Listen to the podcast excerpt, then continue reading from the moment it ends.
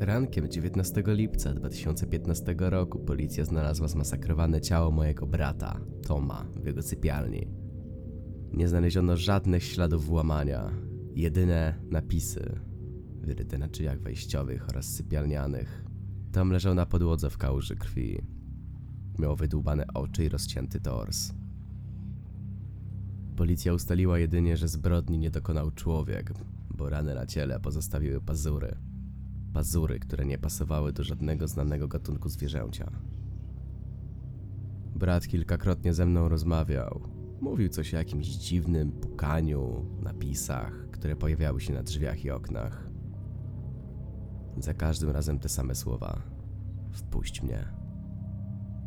Niespecjalnie się tym jednak przejmowałem. Sądziłem, że jest przewrażliwiony, jego umysł płata mu figle, bo policja wtedy nic nie znalazła.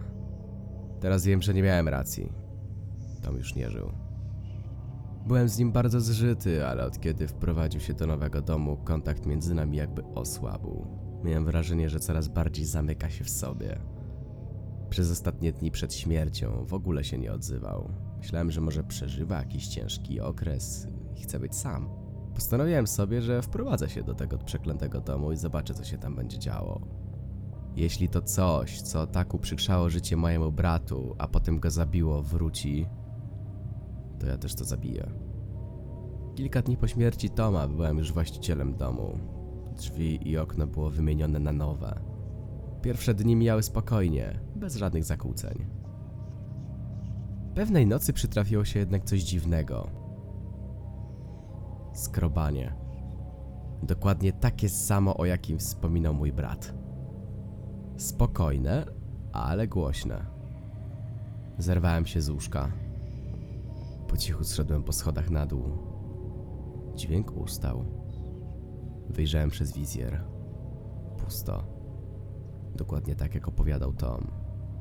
Pobiegłem do kuchni, wziąłem największy nóż i ruszyłem do drzwi wejściowych. Gdy wyszedłem na zewnątrz, nikogo tam nie było. Tylko cisza i przeszywające zimno. Rozglądałem się i obszedłem całą posesję dookoła.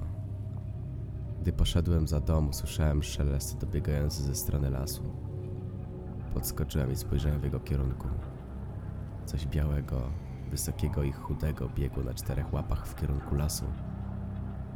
A po kilku sekundach zniknęło w ciemności między drzewami.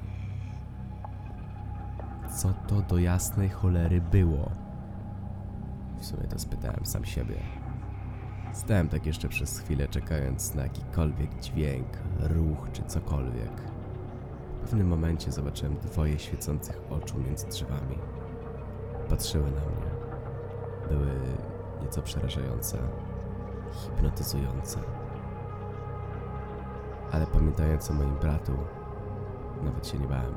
Kierowała mną wtedy żądza zemsty.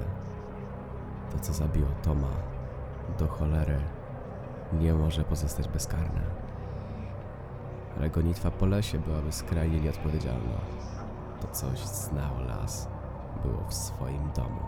Dopadłoby mnie i zapewne sam skończyłby mnie ciekawie. Poczekam na kolejną wizytę. Zobaczymy, co wtedy zrobi. Wtedy to ja będę w swoim domu. Wróciłem więc do domu i położyłem się spać. Reszta nocy była już spokojna.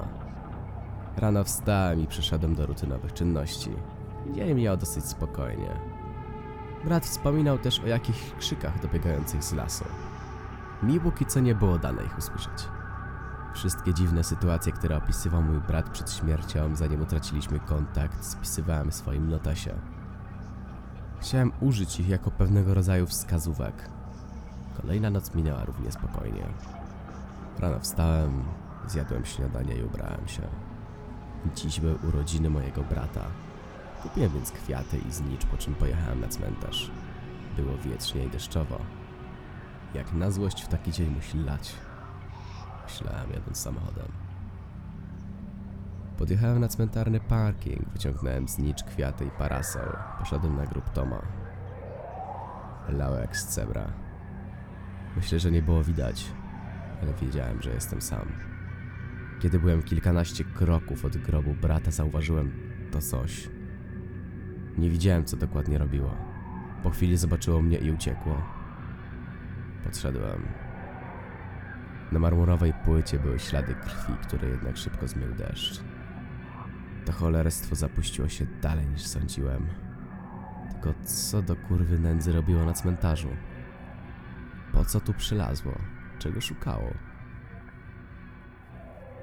Czemu nie chciało dać mojemu bratu spokoju nawet po śmierci? Nie miałem zielonego pojęcia. Zostawiłem kwiaty, zapaliłem znicz, pomodliłem się i wróciłem do auta.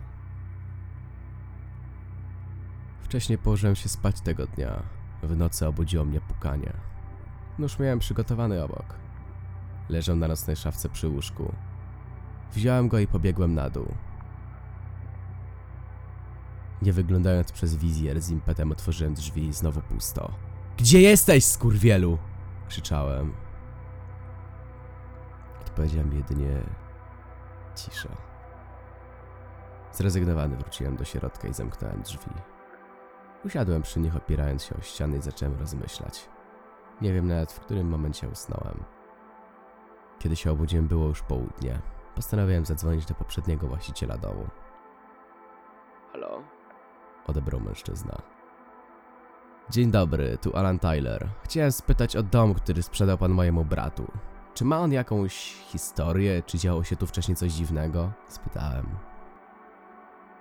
To jest temat na dłuższą rozmowę, odpowiedział mój rozmówca. Więc może zechciałby się pan spotkać i porozmawiać? Tak, chętnie, ale teraz nie mam czasu. Zadzwonię do pana później. Powiedział i rozłączył się. Siedziałem kilka godzin przed telewizorem. Wieczorem zadzwonił ten starszy koleś. Szczerze to nie miałem nawet jego imienia i nazwiska. Był on dla mnie w pewnym sensie anonimowy. Umówiliśmy się. Po około pół godziny był już u mnie. Zrobiłem kawę, usiedliśmy w salonie. Nie był zbytnio rozmowny. Tak jak mówił Tom. Rozmowa przebiegała w ten sposób, że ja zadawałem mu pytania, a on na nie odpowiadał. Dowiedziałem się, że to nie on był pierwszym właścicielem domu. Kupił go od anonimowego sprzedawcy. Powiedział, że mieszkał w nim krótko, bo zaczął nawiedzać go ten stwór. Potem on sprzedał go mojemu bratu, a reszta informacji była już nieistotna. Pożegnaliśmy się i wyszedł. Dzisiejszej nocy miał nocować u mnie kolega, Eryk. Chciałem, żeby było mi raźniej, żeby był świadkiem ewentualnych dziwnych zdarzeń, które mogłyby się wydarzyć. W nocy obudziło mnie pukanie do drzwi. Wstałem z łóżka i zszedłem do salonu, gdzie spał Erek. Wstawaj. Co jest? Pytał zdezorientowany. Nie słyszałeś pukania? Nie. Podeszliśmy do drzwi. Znów to samo. Pusto. Miałem tego już serdecznie dosyć. Ubraliśmy kurtki, wziąłem latarki i nóż, po czym ruszyliśmy w stronę lasu. Aby do niego dotrzeć, musieliśmy pokonać 50 metrów chaszczy, które rosły na łące obok mojego domu. Szliśmy jednak wyznaczoną przez to cholerstwo ścieżką. Pewnie tędy przychodził, bo trawa była ochylona w dwie strony. W trakcie tego uroczego spaceru towarzyszył nam nieznośny smród. W pewnym momencie dotarliśmy do lasu. I co teraz? spytał sądzony Erek. Ty pójdziesz w prawo, a ja w lewo. Jak coś znajdziesz, krzyczysz. Prosty plan. Rozdzieliliśmy się. Rozdzieliliśmy się. Patrolowaliśmy las przez dobrych 20 minut. Nagle usłyszałem krzyk tak przeraźliwy, że włosy zjeżyły mi się na głowie. Pobiegłem w jego kierunku. Na ziemi leżała upuszczona latarka mojego przyjaciela. Przestraszyłem się. Kilka metrów dalej stał ten stwór. W ręce trzymał mytającego się Eryka jakieś pół metra nad ziemią. Ściskał go za szyję, dusił go. Rzuciłem się na niego i wbiłem mu nóż między żebra. Polała się krew. Potwór momentalnie puścił Eryka i odrzucił mnie z taką siłą, że odleciałem jakieś dwa metry do tyłu, uderzając o drzewo. Zakręciło mi się w głowie, obraz mi się rozlał. Po kilkunastu sekundach doszedłem do siebie. Usłyszałem, jak stwór skręca Erykowi kark, przerywając jego miotanie. Upuścił go i popatrzył na mnie. Zerwałem się do ucieczki, ale on mnie nie gonił. Kiedy dotarłem do domu, byłem załamany. Po co wciągałem w to Eryka? Pytałem sam siebie płacząc. Słyszę pukanie do drzwi. Odkręcam gaz w kuchence. Czuję go w powietrzu. Po chwili cały dom jest już nim przepełniony. Pukanie nie ustaje. Wstaję i udaję się w kierunku wyjścia.